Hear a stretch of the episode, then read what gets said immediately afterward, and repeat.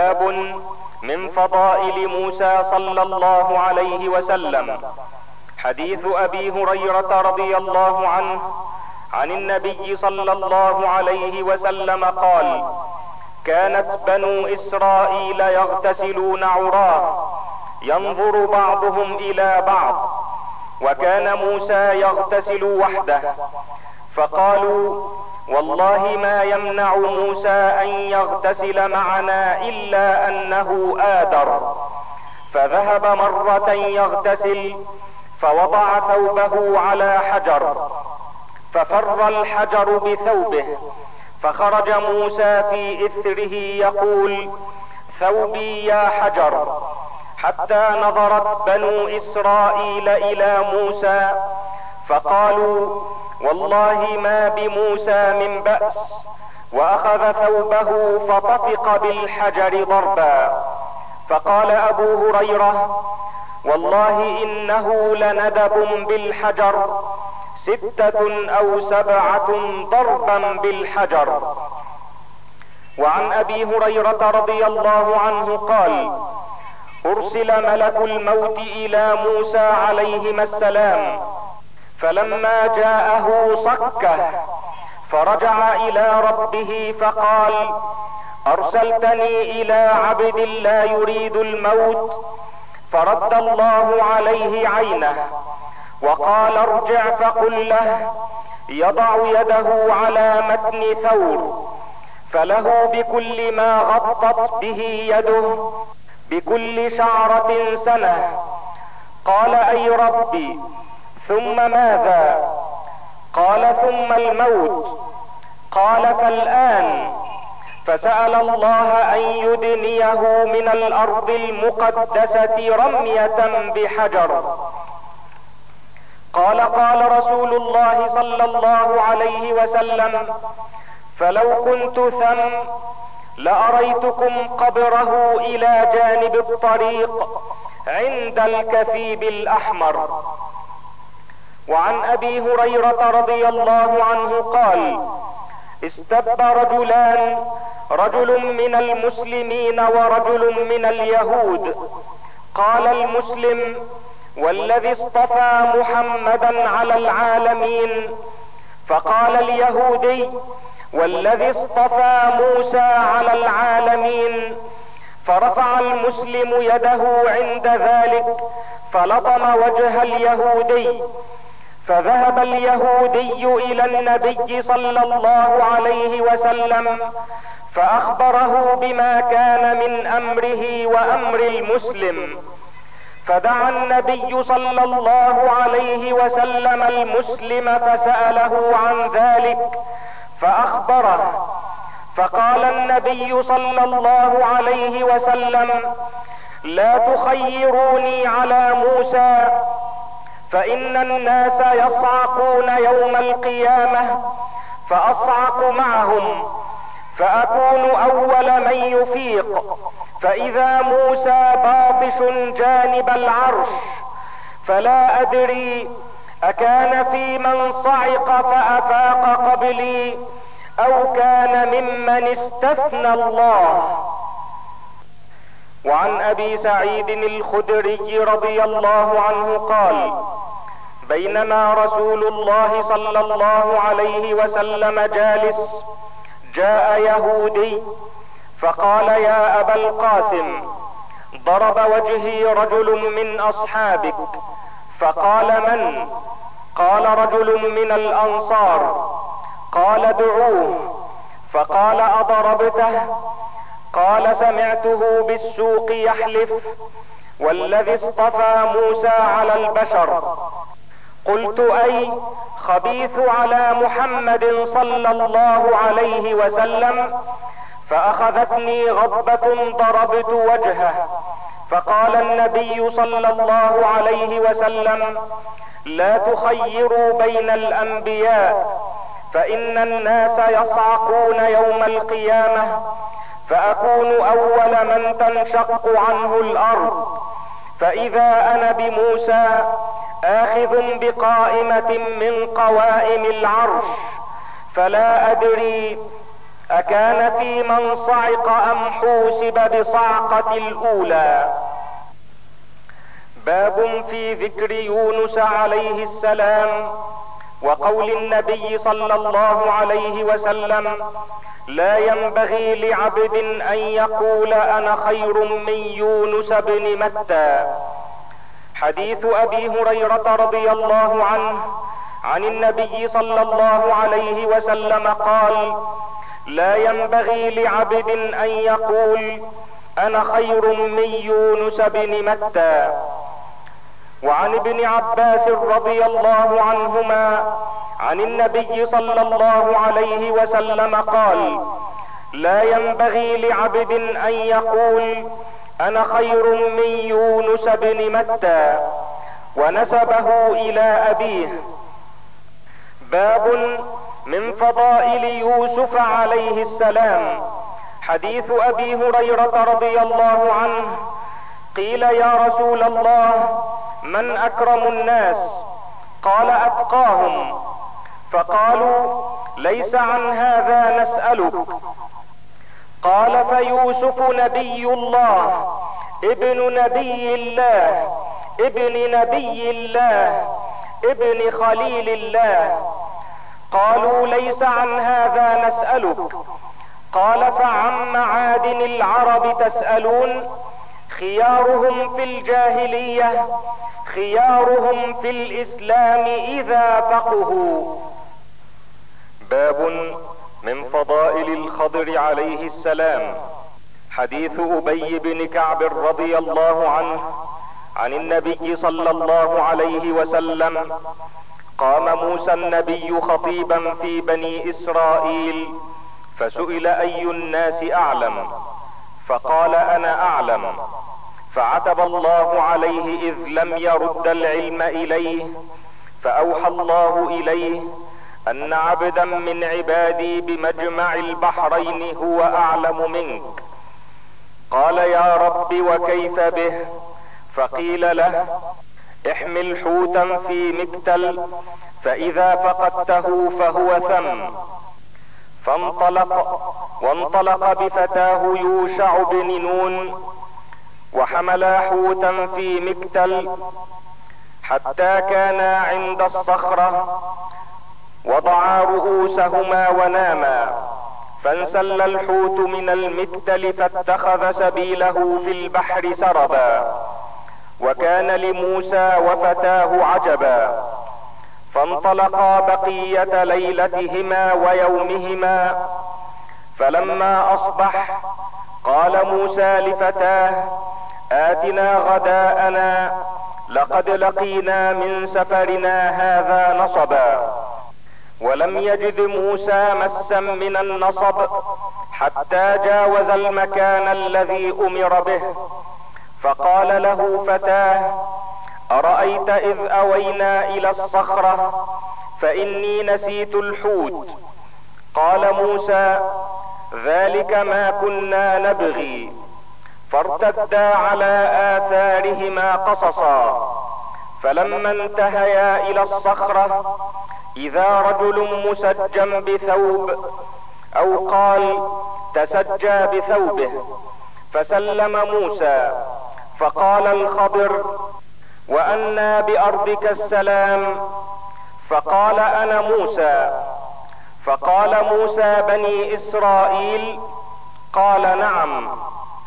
قال هل أتبعك على أن تعلمني مما علمت رشدا؟ قال إنك لن تستطيع معي صبرا يا موسى. إني على علم من علم الله. علمنيه لا تعلمه أنت. وأنت على علم علمكه لا أعلمه. قال ستجدني إن شاء الله صابرا ولا أعصي لك أمرا. فانطلقا يمشيان على ساحل البحر ليس لهما سفينة. فمرت بهما سفينة فكلموهم أن يحملوهما. فعرف الخضر فحملوهما بغير نول. فجاء عصفور فوقع على حرف السفينة فنقر نقرة أو نقرتين في البحر.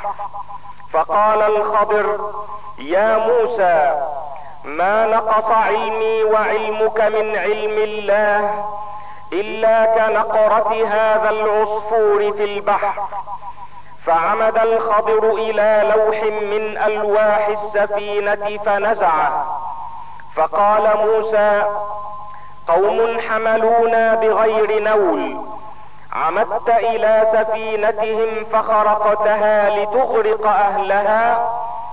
قال ألم أقل إنك لن تستطيع معي صبرا؟ قال لا تؤاخذني بما نسيت. فكانت الأولى من موسى نسيانا. فانطلقا.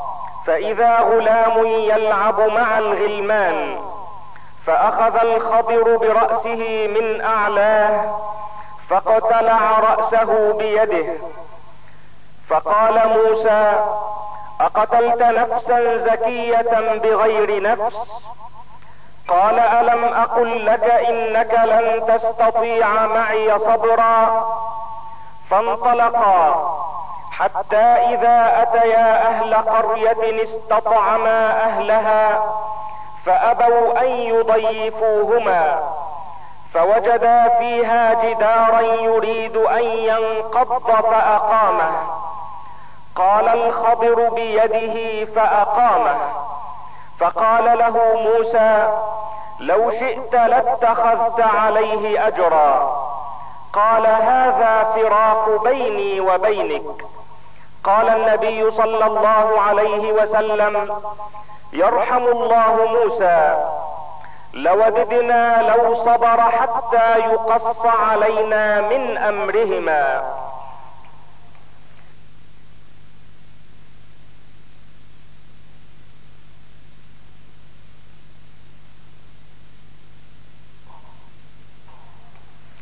كتاب فضائل الصحابة. باب من فضائل أبي بكر الصديق رضي الله عنه. حديث أبي بكر رضي الله عنه قال قلت للنبي صلى الله عليه وسلم وأنا في الغار لو أن أحدهم نظر تحت قدميه لأبصرنا. فقال ما ظنك يا أبا بكر؟ باثنين الله ثالثهما. وعن أبي سعيد الخدري رضي الله عنه أن رسول الله صلى الله عليه وسلم جلس على المنبر فقال إن عبدا خيره الله بين أن يؤتيه من زهرة الدنيا ما شاء وبين ما عنده فاختار ما عنده. فبكى أبو بكر وقال فديناك بآبائنا وأمهاتنا فعجبنا له. وقال الناس انظروا إلى هذا الشيخ يخبر رسول الله صلى الله عليه وسلم عن عبد خيره الله بين أن يؤتيه من زهرة الدنيا وبين ما عنده وهو يقول فديناك بآبائنا وأمهاتنا. فكان رسول الله صلى الله عليه وسلم هو المخير وكان أبو بكر هو أعلمنا به. وقال رسول الله صلى الله عليه وسلم إن من أمن الناس علي في صحبته وماله أبا بكر. ولو كنت متخذا خليلا من أمتي لاتخذت أبا بكر إلا خلة الإسلام. لا يبقين في المسجد خوخة إلا خوخة أبي بكر. وعن عمرو بن العاص رضي الله عنه أن النبي صلى الله عليه وسلم بعثه على جيش ذات السلاسل فأتيته فقلت أي الناس أحب إليك؟ قال عائشة. فقلت من الرجال. قال أبوها. قلت ثم من؟ قال ثم عمر بن الخطاب. فعد رجالا. وعن جبير بن مطعم رضي الله عنه قال أتت امرأة النبي صلى الله عليه وسلم فأمرها أن ترجع إليه. قالت أرأيت إن جئت ولم أجدك؟ كأنها تقول الموت. قال عليه السلام إن لم تجديني فأتي أبا بكر. وعن أبي هريرة رضي الله عنه قال صلى رسول الله صلى الله عليه وسلم صلاة الصبح ثم أقبل على الناس فقال بينا رجل يسوق بقرة إذ ركبها فضربها فقالت إنا لم نخلق لهذا إنما خلقنا للحرث فقال الناس سبحان الله بقرة تكلم. فقال فإني أؤمن بهذا أنا وأبو بكر وعمر وما هما ثم. وبينما رجل في غنمه إذ عدا الذئب فذهب منها بشاه فطلب حتى كأنه استنقذها منه. فقال له الذئب هذا استنقذتها مني فمن لها يوم السبع؟ يوم لا راعي لها غيري. فقال الناس سبحان الله ذئب يتكلم قال فإني أؤمن بهذا أنا وأبو بكر وعمر. وما هما ثم باب من فضائل عمر رضي الله تعالى عنه. حديث علي رضي الله عنه. عن ابن عباس رضي الله عنهما قال وضع عمر على سريره فتكنفه الناس يدعون ويصلون قبل أن يرفع. وأنا فيهم. فلم يرعني إلا رجل آخذ منكبي. فإذا علي فترحم على عمر وقال ما خلفت أحدا أحب إلي أن ألقى الله بمثل عمله منك. وايم الله إن كنت لأظن أن يجعلك الله مع صاحبيك. وحسبت أني كنت كثيرا أسمع النبي صلى الله عليه وسلم يقول ذهبت أنا وأبو بكر وعمر ودخلت أنا وأبو بكر وعمر وخرجت أنا وأبو بكر وعمر. وعن أبي سعيد الخدري رضي الله عنه قال قال رسول الله صلى الله عليه وسلم بين أنا نائم رأيت الناس يعرضون علي وعليهم قمص منها ما يبلغ الثدي ومنها ما دون ذلك وعرض علي عمر بن الخطاب وعليه قميص يجره. قالوا فما أولت ذلك يا رسول الله؟ قال الدين. وعن ابن عمر رضي الله عنهما قال سمعت رسول الله صلى الله عليه وسلم قال بين أنا نائم أتيت بقدح لبن فشربت حتى أني لأرى الري يخرج من أظفاري ثم أعطيت فضلي عمر بن الخطاب قالوا فما أولته يا رسول الله؟ قال العلم.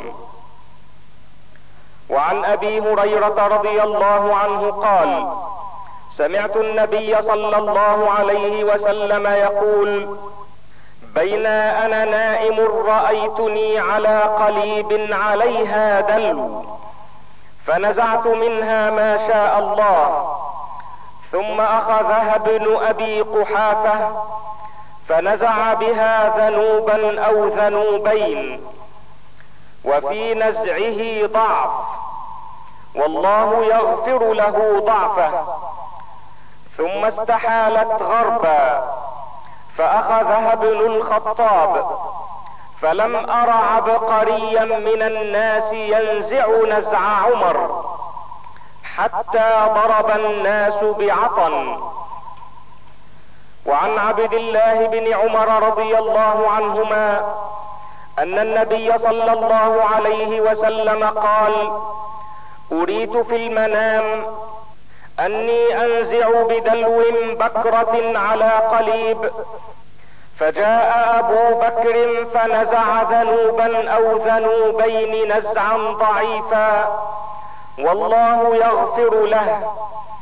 ثم جاء عمر بن الخطاب فاستحالت غربا فلم أر عبقريا يفري فرية حتى روي الناس وضربوا بعطن. وعن جابر بن عبد الله رضي الله عنهما عن النبي صلى الله عليه وسلم قال دخلت الجنة أو أتيت الجنة فأبصرت قصرا فقلت لمن هذا؟ قالوا لعمر بن الخطاب فأردت أن أدخله فلم يمنعني إلا علمي بغيرتك. قال عمر بن الخطاب يا رسول الله بأبي أنت وأمي يا نبي الله. أو عليك أغار؟ وعن أبي هريرة رضي الله عنه قال بينا نحن عند رسول الله صلى الله عليه وسلم إذ قال بينا أنا نائم رأيتني في الجنة فإذا امرأة تتوضأ إلى جانب قصر. فقلت لمن هذا القصر؟ فقالوا لعمر بن الخطاب فذكرت غيرته فوليت مدبرا. فبكى عمر وقال أعليك أغار يا رسول الله؟ وعن سعد بن أبي وقاص رضي الله عنه قال استأذن عمر على رسول الله صلى الله عليه وسلم. وعنده نساء من قريش يكلمنه ويستكثرنه عالية أصواتهن. فلما استأذن عمر قمن يبتدرن الحجاب. فأذن له رسول الله صلى الله عليه وسلم ورسول الله صلى الله عليه وسلم يضحك. فقال عمر أضحك الله سنك يا رسول الله. قال عجبت من هؤلاء اللاتي كن عندي. فلما سمعن صوتك ابتدرن الحجاب. قال عمر فأنت يا رسول الله كنت أحق أن يهبن. ثم قال أي عدوات أنفسهن أتهبنني ولا تهبن رسول الله صلى الله عليه وسلم؟ قلنا نعم. أنت افظ وأغلظ من رسول الله صلى الله عليه وسلم.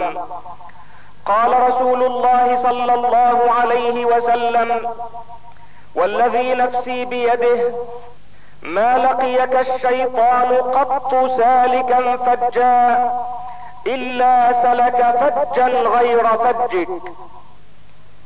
وعن ابن عمر رضي الله عنهما قال لما توفي عبد الله جاء ابنه عبد الله بن عبد الله إلى رسول الله صلى الله عليه وسلم. فسأله أن يعطيه قميصه يكفن فيه أباه فأعطاه. ثم سأله أن يصلي عليه فقام رسول الله صلى الله عليه وسلم ليصلي.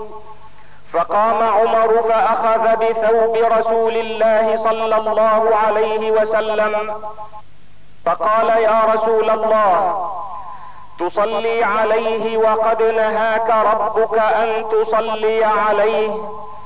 فقال رسول الله صلى الله عليه وسلم إنما خيرني الله فقال استغفر لهم أو لا تستغفر لهم. إن تستغفر لهم سبعين مرة وسأزيده على السبعين. قال إنه منافق. قال فصلى عليه رسول الله صلى الله عليه وسلم فأنزل الله ولا تصل على أحد منهم مات أبدا ولا تقم على قبره. باب من فضائل عثمان بن عفان رضي الله عنه. حديث أبي موسى رضي الله عنه قال كنت مع النبي صلى الله عليه وسلم في حائط من حيطان المدينة فجاء رجل فاستفتح فقال النبي صلى الله عليه وسلم افتح له وبشره بالجنة. ففتحت له فإذا أبو بكر فبشرته بما قال النبي صلى الله عليه وسلم فحمد الله. ثم جاء رجل فاستفتح فقال النبي صلى الله عليه وسلم افتح له وبشره بالجنة. ففتحت له فإذا هو عمر. فأخبرته بما قال النبي صلى الله عليه وسلم. فحمد الله. ثم استفتح رجل. فقال لي افتح له وبشره بالجنة على بلوى تصيبه. فإذا عثمان فأخبرته بما قال رسول الله صلى الله عليه وسلم. فحمد الله ثم قال الله المستعان. وعن أبي موسى الأشعري رضي الله عنه أنه توضأ في بيته ثم خرج فقلت لألزمن رسول الله صلى الله عليه وسلم ولأكونن معه يومي هذا. قال فجاء المسجد فسأل عن النبي صلى الله عليه وسلم فقالوا خرج ووجه ها هنا فخرجت على إثره أسأل عنه حتى دخل بئر أريس. فجلست عند الباب وبابها من جريد. حتى قضى رسول الله صلى الله عليه وسلم حاجته فتوضأ. فقمت إليه. فإذا هو جالس على بئر أريس وتوسط قفها وكشف عن ساقيه ودلاهما في البئر. فسلمت عليه ثم انصرفت فجلست عند الباب. فقلت لأكونن بواب رسول الله صلى الله عليه وسلم اليوم. فجاء أبو بكر فدفع الباب فقلت من هذا؟ فقال أبو بكر فقلت على رسلك. ثم ذهبت فقلت يا رسول الله هذا أبو بكر يستأذن. فقال أذن له وبشره بالجنة. فأقبلت حتى قلت لأبي بكر ادخل. ورسول الله صلى الله عليه وسلم يبشرك بالجنة. فدخل أبو بكر فجلس عن يمين رسول الله صلى الله عليه وسلم معه في القف. ودلى رجليه في البئر كما صنع النبي صلى الله عليه وسلم وكشف عن ساقيه ثم رجعت فجلست وقد تركت أخي يتوضا ويلحقني فقلت ان يرد الله بفلان خيرا يريد اخاه ياتي به فإذا إنسان يحرك الباب فقلت من هذا؟ فقال عمر بن الخطاب فقلت على رسلك. ثم جئت إلى رسول الله صلى الله عليه وسلم فسلمت عليه. فقلت هذا عمر بن الخطاب يستأذن. فقال اذن له وبشره بالجنة. فجئت فقلت ادخل. وبشرك رسول الله صلى الله عليه وسلم بالجنة. فدخل فجلس مع رسول الله صلى الله عليه وسلم في القف عن يساره. ودلى رجليه في البئر. ثم رجعت فجلست. فقلت إن يرد الله بفلان خيرا ياتي به. فجاء إنسان يحرك الباب. فقلت من هذا؟ فقال عثمان بن عفان. فقلت على رسلك. فجئت إلى رسول الله صلى الله عليه وسلم فأخبرته. فقال اذن له وبشره بالجنة على بلوى تصيبه. فجئته فقلت له ادخل. وبشرك رسول الله صلى الله عليه وسلم بالجنة على بلوى تصيبك. فدخل فوجد القف قد ملئ. فجلس وجاهه من الشق الآخر. قال سعيد بن المسيب راوي الحديث عن أبي موسى فأولتها قبورهم.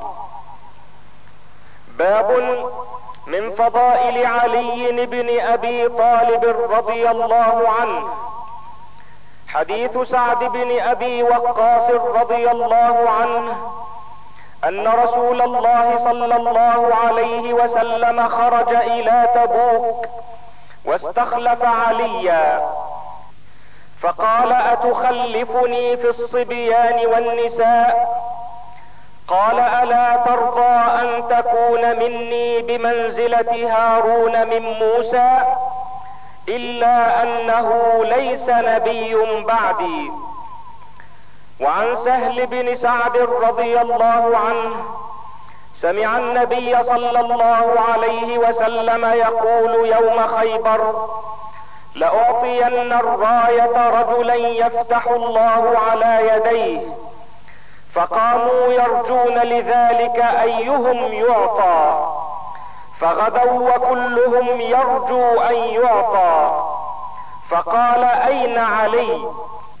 فقيل يشتكي عينيه فأمر فدعي له فبصق في عينيه فبرأ مكانه حتى كأنه لم يكن به شيء. فقال نقاتلهم حتى يكونوا مثلنا فقال على رسلك حتى تنزل بساحتهم ثم دعهم إلى الإسلام وأخبرهم بما يجب عليهم. فوالله لأن يهدى بك رجل واحد خير لك من حمر النعم.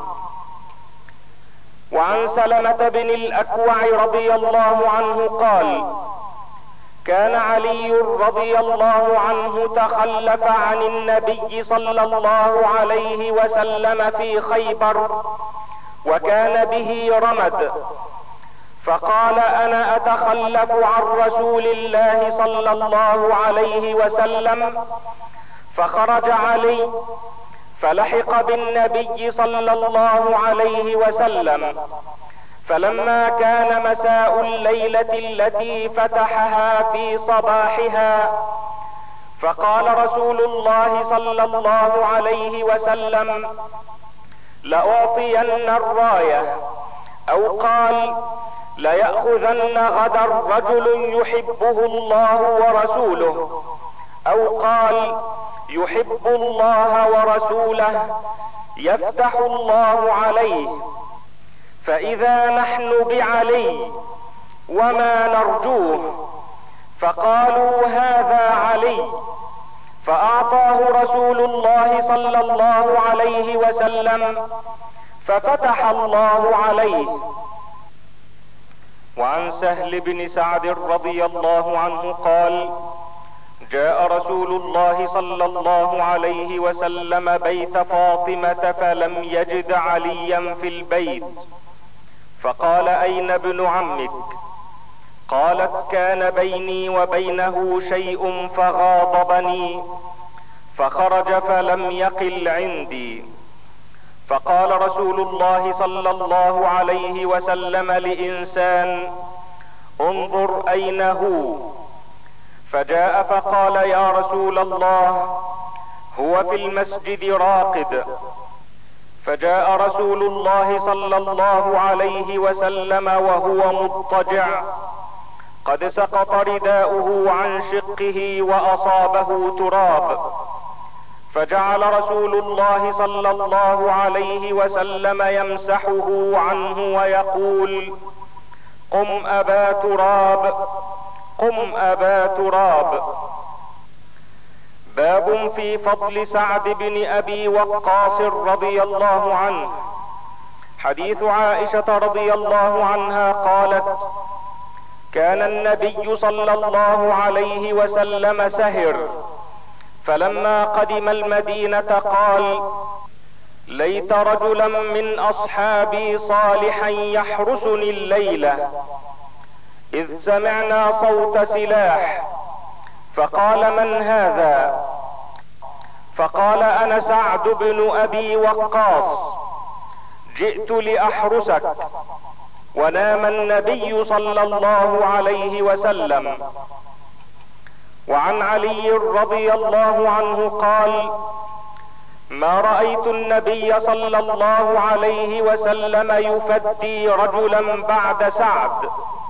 سمعته يقول ارم فداك أبي وأمي. وعن سعد رضي الله عنه قال جمع لي النبي صلى الله عليه وسلم أبويه يوم أحد. باب فضائل طلحة والزبير رضي الله تعالى عنهما. حديث طلحة وسعد رضي الله عنهما. عن أبي عثمان قال لم يبق مع النبي صلى الله عليه وسلم في بعض تلك الأيام التي قاتل فيهن رسول الله صلى الله عليه وسلم غير طلحة وسعد عن حديثهما. وعن جابر رضي الله عنه قال قال النبي صلى الله عليه وسلم من يأتيني بخبر القوم يوم الأحزاب؟ قال الزبير أنا. ثم قال من يأتيني بخبر القوم؟ قال الزبير أنا. فقال النبي صلى الله عليه وسلم إن لكل نبي حواريا وحواري الزبير. حديث الزبير رضي الله عنه. عن عبد الله بن الزبير قال كنت يوم الأحزاب. جعلت أنا وعمر بن أبي سلمة في النساء. فنظرت فإذا أنا بالزبير على فرسه. يختلف إلى بني قريظة مرتين أو ثلاثا. فلما رجعت قلت يا ابت رأيتك تختلف. قال أوهل رأيتني يا بني؟ قلت نعم. قال كان رسول الله صلى الله عليه وسلم قال من يأت بني قريظة فيأتيني بخبرهم. فانطلقت.